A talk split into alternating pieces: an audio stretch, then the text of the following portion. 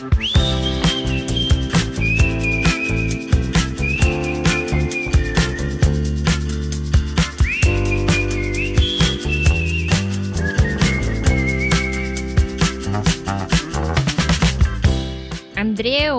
Sílvia, al final et vas mullar o no tornant cap a casa el dia de Sant Jordi? el dia de Sant Jordi, mira, no em vaig mullar a la tornada, però, però gairebé, va anar de poc. No sé, vosaltres? Nosaltres ens vam quedar com ànecs.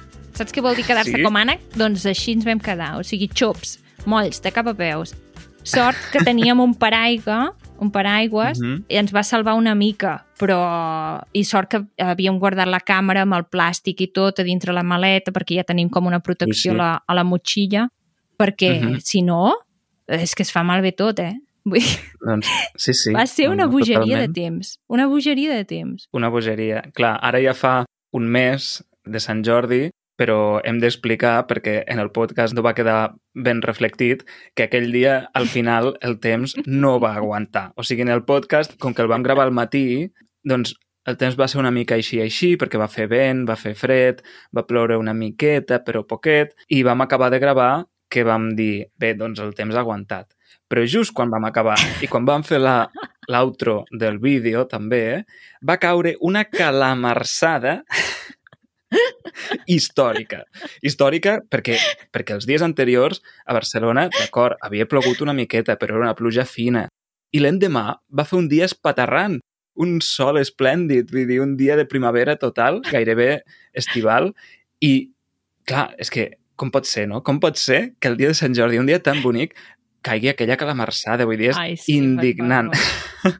Va ser una llàstima per totes les persones que tenien una parada, un negoci. Mm. La veritat és que va ser, va ser un dia horrorós per ells, però a mi em va fer molta gràcia Mm. que l'Andreu estigués fent al final del vídeo, allà dient sí, al final ens ha fet molt bon temps, i de cop comencem a veure amb el Matthew que cauen gotes, així, clon, clon, clon, clon, i pensant tots dos, sisplau que acabi de parlar ja, que acabi de parlar ja. Sí, sí, és que a més resulta que em va venir la inspiració i estava fent l'outro, no? el final del vídeo l'estava fent més llarg de l'habitual. I, clar, I de cop Sí. veig gotes per davant i penso, d'acord, he d'acabar ja. Adéu! Sí.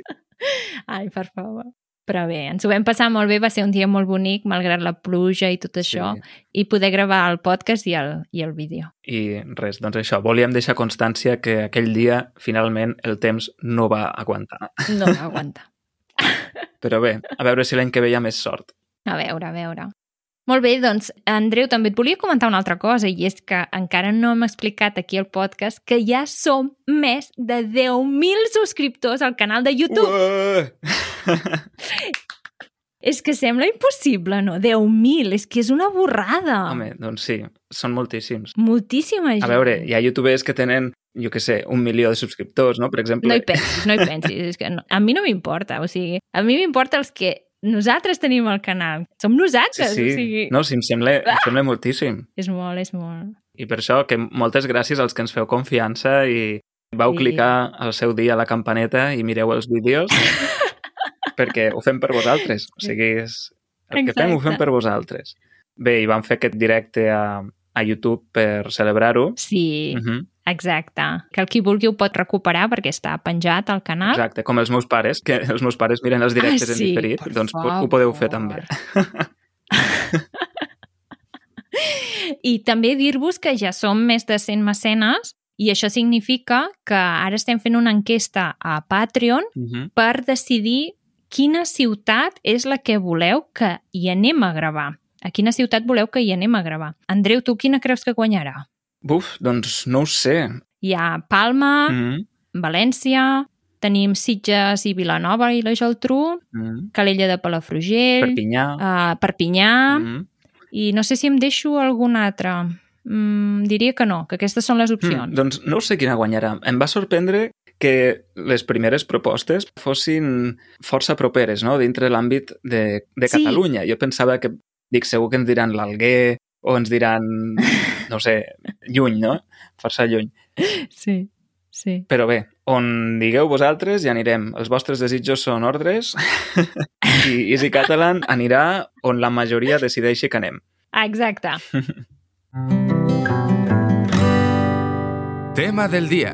Doncs vam rebre un missatge per Instagram d'una noia argentina que es diu Angie, que bé, ens va escriure en castellà perquè encara no té prou nivell de català i per tant he traduït el seu missatge al català per a aquells que ens escolten que no dominen el castellà, no? I diu això, diu Mhm. l'Angie. Hola, sóc argentina i sóc mare de tres fills. M'agradaria algun vídeo o episodi del podcast en què parleu de l'escola, l'institut, els professors, com són les escoles... Diu, d'aquí un mes me'n vaig a viure a Barcelona i no sé ni com es diu quadern. Bé, us envio una salutació molt gran a tots.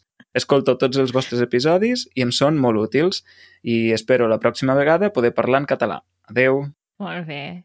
Sí, la veritat és que no hem parlat mai d'aquest tema, tampoc hem fet cap vídeo al respecte, Mm. per tant estaria bé potser parlar-ne, Doncs no? sí, a més a més, bé, crec que és un tema que pot interessar a molta gent, en aquest Mhm. cas, sobretot a l'Angie, que està a punt de venir a viure aquí, que té tres fills i que els ha de portar al, a l'escola. Per tant, per Sí, amb ella és un exacte. tema d'urgència, no?, d'alguna manera.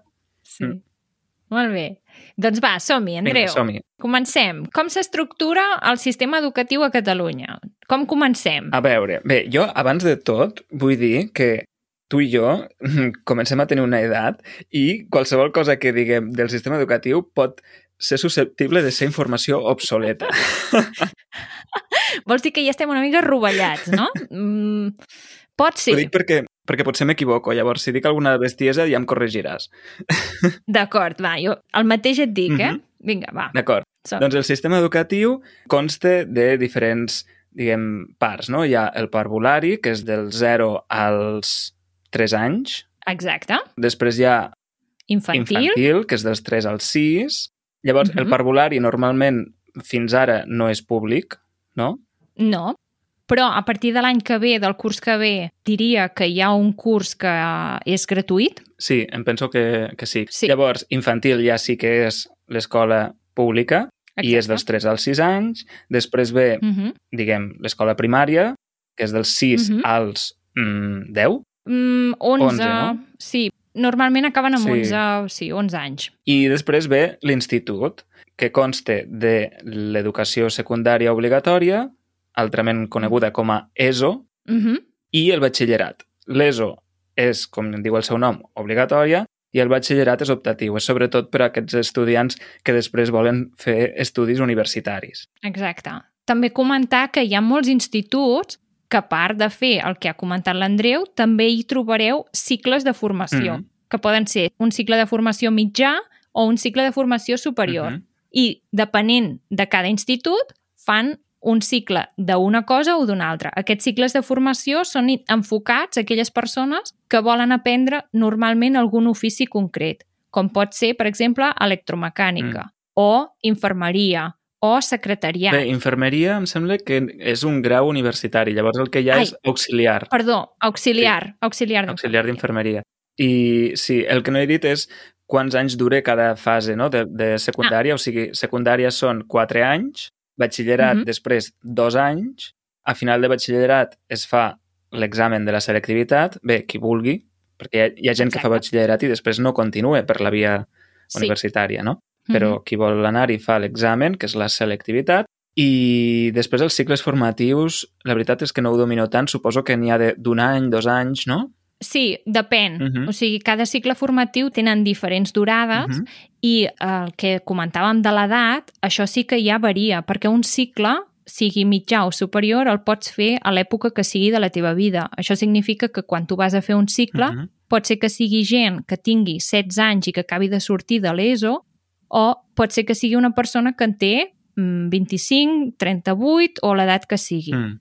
Llavors, també han explicat que a partir d'aquest any hi haurà moltes més places a cicles formatius, mm. perquè fins ara n'hi havia menys hi havia molts estudiants que es quedaven sense plaça i llavors havien d'escollir potser un cicle formatiu que ells no volien fer. Clar.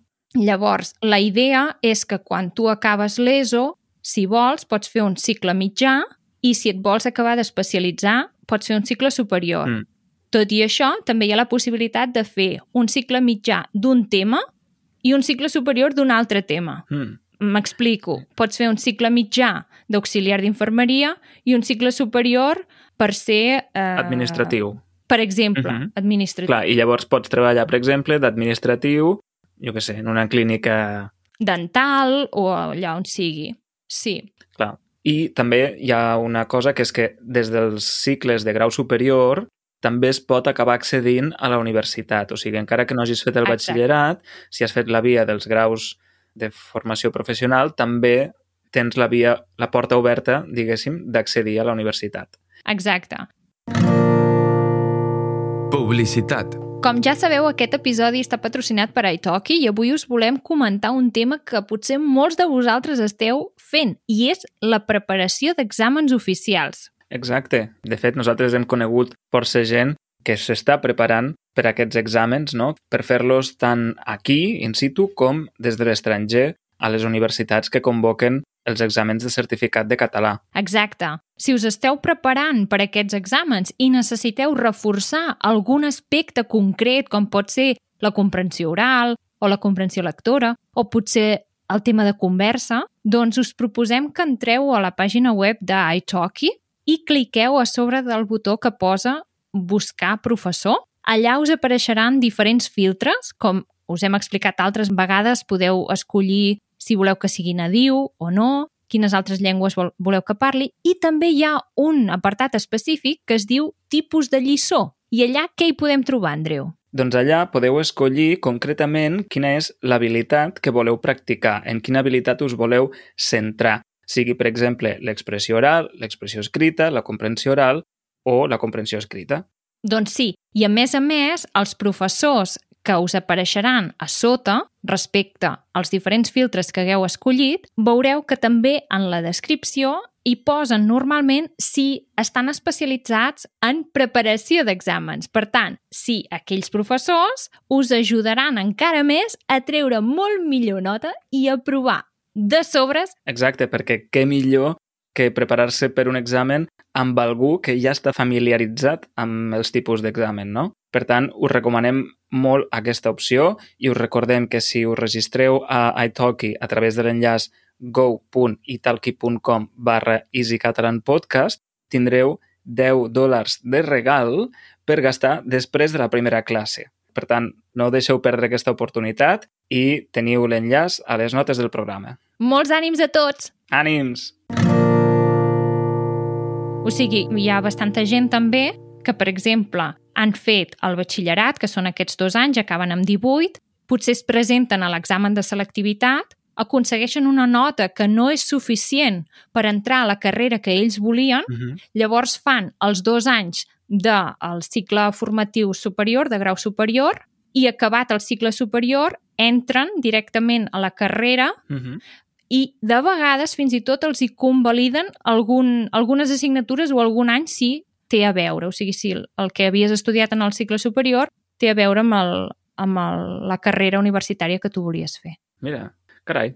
Jo és que això no, no ho domino gaire, la veritat, tot i que els meus germans han fet cicles formatius, tant mm. ma Mm. germana com mon germà. També hi ha la possibilitat de fer un curs pont. En els curs pont el que significa és que et prepares d'aquelles matèries Uh -huh. que normalment s'aprenen, per exemple, en el batxillerat, que podrien ser matèries diferents a les que tu has estudiat en un cicle formatiu. Que, per exemple, potser no has estudiat biologia, però necessites saber alguna cosa de biologia per apuntar-te a un nou cicle. Mm. Llavors es fa el, el curs pont. Uh -huh. I després, parlant de la universitat, molt breument, aquí a, a l'estat espanyol i a Catalunya, País Valencià, Balears, etc. el sistema és normalment els graus són de 4 anys, tot i que ara en poden haver de 3 anys també, però la majoria són de 4, excepte Medicina i Arquitectura, que són de 6, i després els màsters normalment són d'un any, tot i que també n'hi ha que Sí. Es poden fer en dos anys, per exemple, si fas horaris partits o segons com Mhm. estiguin, però en general són un any, no? Mentre que a Europa generalment són 3 anys de grau i dos de màster, aquí són 4 i un. Mhm. Mm. El que s'ha posat molt de moda els darrers anys, no sé si ho saps, Andreu, és el doble grau. Llavors, en comptes de durar 4 anys la carrera, en dura 5. O Si ho aproves tota la primera, estem parlant, eh, tota l'estona. Sí, sí, sí. I llavors el que fa el doble grau és que és com si estudiessis dues carreres al mateix temps. Uh -huh. Per exemple, si estàs estudiant educació per ser professor, doncs potser pots fer el doble grau d'infantil i primària. Mm. D'aquesta manera estudiaràs durant 5 anys, que això, per exemple, ho fa la Universitat de Lleida, aquest doble grau, i quan has acabat aquests 5 anys tens aquesta titulació que inclou l'educació infantil i l'educació primària. Sí. Jo tenia una companya de pis que feia periodisme i economia. Uau! Clar, realment són Mhm. carreres també molt compatibles perquè et pots especialitzar en periodisme econòmic. Sí, sí. I també hi ha fins i tot graus que ja no són dobles graus, sinó que són com uns graus més híbrids, no? que són combinacions de diferents disciplines. Per exemple, a la Universitat Pompeu Fabra hi ha un grau que em sembla molt interessant, que és de filosofia, política i economia. Les tres coses. La veritat és que la Pompeu sempre tenen carreres que només són a la Pompeu. Sí, No t'hi has fixat? Vull dir, cada any hi ha alguna carrera nova que només és a la Pompeu. És com una cosa que decideixen innovar i la veritat és que s'hi apunta molta Mm. gent a fer-los, perquè sempre són interessants. Sí, tenen aquest punt innovador. Bé, llavors, una altra qüestió que crec que és important que conegui l'Angie i tots aquells que tinguin fills i que els vulguin portar aquí a l'escola és que aquí la llengua normalment utilitzada a les classes, en teoria, és el català. I l'Andreu hi ha posat tant èmfasi abans de dir català, perquè no sempre és així. És a dir, en teoria, perquè varia molt d'una ciutat a l'altra, no? d'un- d'una zona a l'altra i d'un Sí. institut a un altre. I després també d'un professor a un altre. Vull dir, Sí. una cosa és la teoria i després la pràctica, però sí que és veritat que en principi a primària es fa més èmfasi en l'ensenyament en català i després a secundària hi ha més professors que opten pel castellà, també cada institut Sí. té el seu pla de llengües, el Mhm. pla lingüístic, llavors distribueixen les assignatures segons la llengua d'impartició, llavors hi ha instituts que fan classes en anglès també, o sigui, fan algunes en castellà i Mm. algunes en anglès. I bé, llavors una altra qüestió important són les aules d'acollida. Per als nens que acaben d'arribar d'un altre país i encara no coneixen la llengua, no parlen el català, doncs hi ha aquestes aules que és que durant unes hores a la setmana reben formació en llengua específica, de diferents temes, no? però perquè puguin adaptar-se Sí. i seguir la resta de classes en català. Exacte. Els primers mesos se'ls reforça molt més tot l'aspecte aquest de poder entendre la llengua Mhm. Per llavors poder estar a les classes com, com fan la resta d'alumnes. Bé, això és més o menys com ha funcionat fins ara, però la veritat és que últimament hi ha hagut molts canvis legislatius i molta polèmica sobre l'ús de les llengües a l'escola a Catalunya, però bé, en tot cas, la idea, l'objectiu del sistema educatiu és que tots els alumnes acabin l'educació dominant les dues llengües. Exacte. Llavors, aquí també m'agradaria comentar una cosa, Mhm. i és que les lleis d'educació canvien cada dos per Sí. tres. Vull dir, jo me'n recordo que quan nosaltres, o jo anava a l'escola, Mhm. un any s'havia de fer una assignatura obligatòria perquè el govern havia decidit que aquell curs es faria aquella assignatura i el curs següent ja no la fèiem ni la tornaríem a veure mai més perquè el govern havia canviat i havien decidit que a partir de llavors no es faria aquella assignatura sinó que se'n faria una altra. Sí, sí, és que Vull dir, no té nom, això. Amb cada govern de torn, cada vegada que canvia el govern espanyol, canvien la llei d'educació i canvien els currículums i Sí. canvien les assignatures. I això, al final, no fa més Sí. que marejar la perdiu. O sigui, marejar la perdiu als Exacte. professors, als directors d'escoles i als alumnes. Sí, perquè me'n recordo, és que no me'n recordo com es deia aquella assignatura, però me'n recordo que un any, Mm. només la vam fer un any, ens van fer comprar un llibre que no tenia cap mena de sentit el que posava en aquell llibre, d'acord? perquè era com tot de temes enganxats, sense cap mena de solta ni volta, i llavors la professora gairebé tampoc sabia què havia d'explicar perquè era tot nou, saps què et vull Mm. dir? I, I era com un sense sentit tot plegat, perquè estàvem tots allà pensant, però què estem fent? Era l'assignatura de Ciències del Món contemporani? Sí, deu ser això, deu ser això, perquè me'n recordo que ens explicaven l'evolució, que jo dic, però això ja ho hem fet a biologia, no? Sí, sí, sí, era aquesta, Ciències del Món contemporani. Ah, això, ciències del món... I jo, però Andreu, tu et vas enterar d'alguna cosa? Et vas assabentar d'alguna cosa aquell any? Um, No. no. no, però també et dic una cosa, o sigui, d'altres assignatures potser sí que em vaig, vaig aprendre alguna cosa, però, però ja l'he oblidat, o sigui... Sí, sí, bueno, això és un altre capítol, o sigui, un dia podem parlar de, de com aprendre i com desaprendre, Clar, no? clar. Sí, Mm. sí. Dit això, crec que podem comentar així breument també que, en general, l'escola és pública. Hem comentat que el parvulari no Sí. ho és, però l'escola primària i secundària i batxillerat sí que ho són, però Mhm. també hi ha escoles privades i concertades. Sí, Mhm. Això també és una cosa que és molt sorprenent perquè no a tots els països hi és. Mhm. O sigui, l'escola pública i l'escola privada sí, però la concertada Mhm. és com una barreja, no? Sí, sí, és com mig privada, mig, mig pública, no? O, o privada, però amb ajuda, amb finançament públic també. Sí, I llavors, doncs, l'escola pública és laica, però dintre del sector privat, no? I, i crec que aquí en- entren també les concertades, hi ha escoles religioses. exacte. Mhm. Una de les cadenes, com si diguéssim, d'escoles és la Salle, que hi és en moltes poblacions diferents, i la Salle és una escola que normalment és, és religiosa perquè ve d'un passat que eren de, de monjos, Mhm. no? Els Sí. monjos eren els professors d'aquella escola. Exacte. Llavors, tu, Sílvia, a quin tipus d'escola vas anar? Jo sempre he anat a l'escola pública. Però a mi em sona, crec recordar que algun cop em vas dir que havies anat a una escola religiosa, No, no? no, no. Eh, no, el que passa és que quan jo era petita, Mhm. la religió era molt més important. Vull dir, mm, ara semblareu com una iaia. Sí, sí. Però, Dic, sí, tenim la mateixa edat. ja, però la religió era un aspecte important i, a més a més, era un extraescolar que es feia bastant i era tot el tema de la catequesi. Ah, d'acord. Mm. I llavors allà sí que vaig fer molts anys. Per això saps que sé moltes coses de religió i aquestes coses. Però això era extra, vull dir, no era relacionat amb l'escola. Ah, A l'escola, però, també fèiem religió, eh? No sé si tu no en feies, però jo sí. Nosaltres teníem una... I religió catòlica. Nosaltres teníem una assignatura a l'escola era ètica, o sigui, no era religió, i a l'institut teníem religió, però era optativa, i podíem triar religió o ètica. D'acord, doncs a la meva escola l'assignatura era religió i era només religió catòlica i al, a l'institut ja no hi teníem religió. Em sembla que era una optativa, però jo mai la vaig agafar. Doncs jo no sé per què, però a l'institut, o sigui, jo no sóc religiós, no, no sóc creient, però vaig triar religió Mhm. i la veritat és que em va agradar perquè era més com una assignatura d'antropologia, perquè realment Ah, molt bé. Sí, parlàvem de, de, no de totes, però de diferents religions, no? de les principals, les més Ah, majoritàries. Sí, ho entenc. Vull dir, vam parlar de, Mhm. de l'islam, del budisme, Hinduisme. hinduisme, sí, sí. Vam parlar de diferents, de diferents religions i ho vaig trobar molt interessant, la veritat. Segur que sí, Mm. segur que sí. Però la veritat és que quan els pares han d'escollir l'escola, Uh -huh.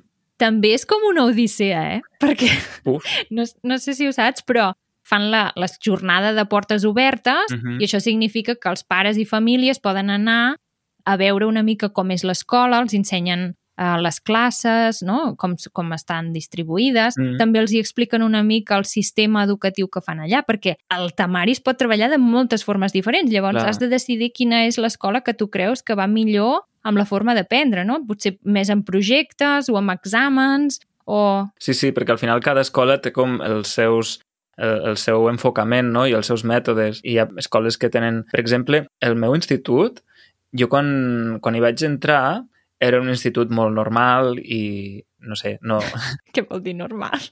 que no en destacaria res. O sigui, era un institut, no sé, si feien Ah. classes i era tot molt tradicional, o sigui... D'acord, Però sí que és veritat, és a dir, jo he continuat vinculat d'alguna manera amb l'institut perquè Mhm. col·laboro amb la revista. Ah, molt bé, fan una revista. Sí, tenen una Ah, revista trimestral i, i jo faig la revisió de la revista, o sigui, la, la corregeixo, no? Ah, molt bé.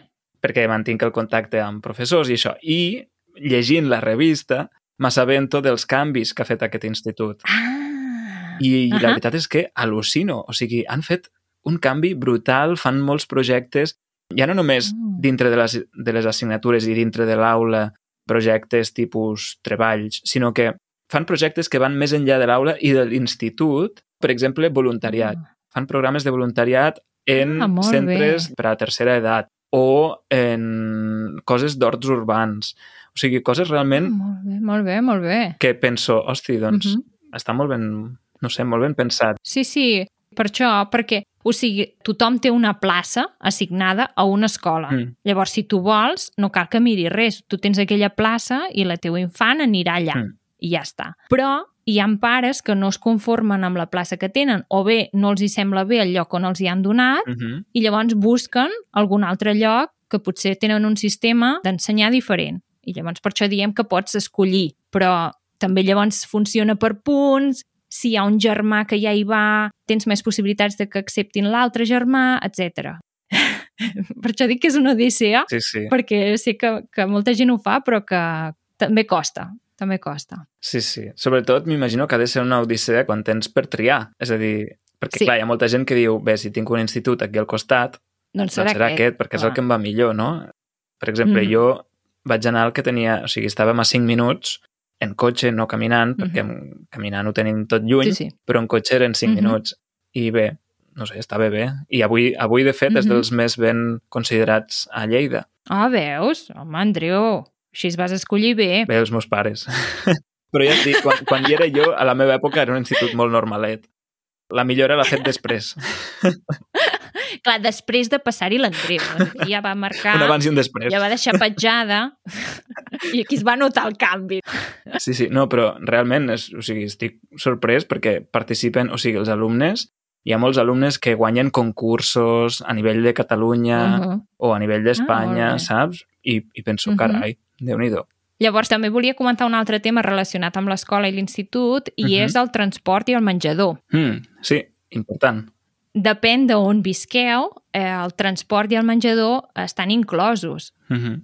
A mi, per exemple, jo tota la vida, des de que tenia 3 anys fins que em vaig fer 18, vaig anar sempre amb autobús.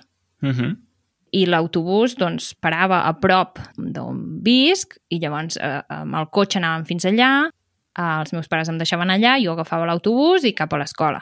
I el mateix a l'hora de tornar. I llavors, clar, com que l'autobús només passa de bon de matí i quan acabes normalment a les 6, més o menys, Mm -hmm. al voltant de les 6 de la tarda, doncs em quedava també el menjador. I el menjador també era inclòs. I llavors el menjador normalment era un càtering que, que un restaurant ho preparava i llavors ho portaven, ho escalfaven i llavors menjàvem allà. I era bo el menjar? Sense comentaris, d'acord? Ai, doncs el nostre era força bo, la veritat. Tinc un record de l'arròs a la cubana. Clar, quan ets petit, o sigui, si et posen macarrons ets el més feliç del món, no? Però, clar, clar. però tot i així els macarrons poden Però tu, ser mal tu hi fets. anaves cada dia? Sí, cada dia. Cada dia, d'acord. Perquè me'n recordo que hi havia gent que venia un cop i deia, "Oh, és que és boníssim, no sé de què us queixeu. I jo li deia, avui.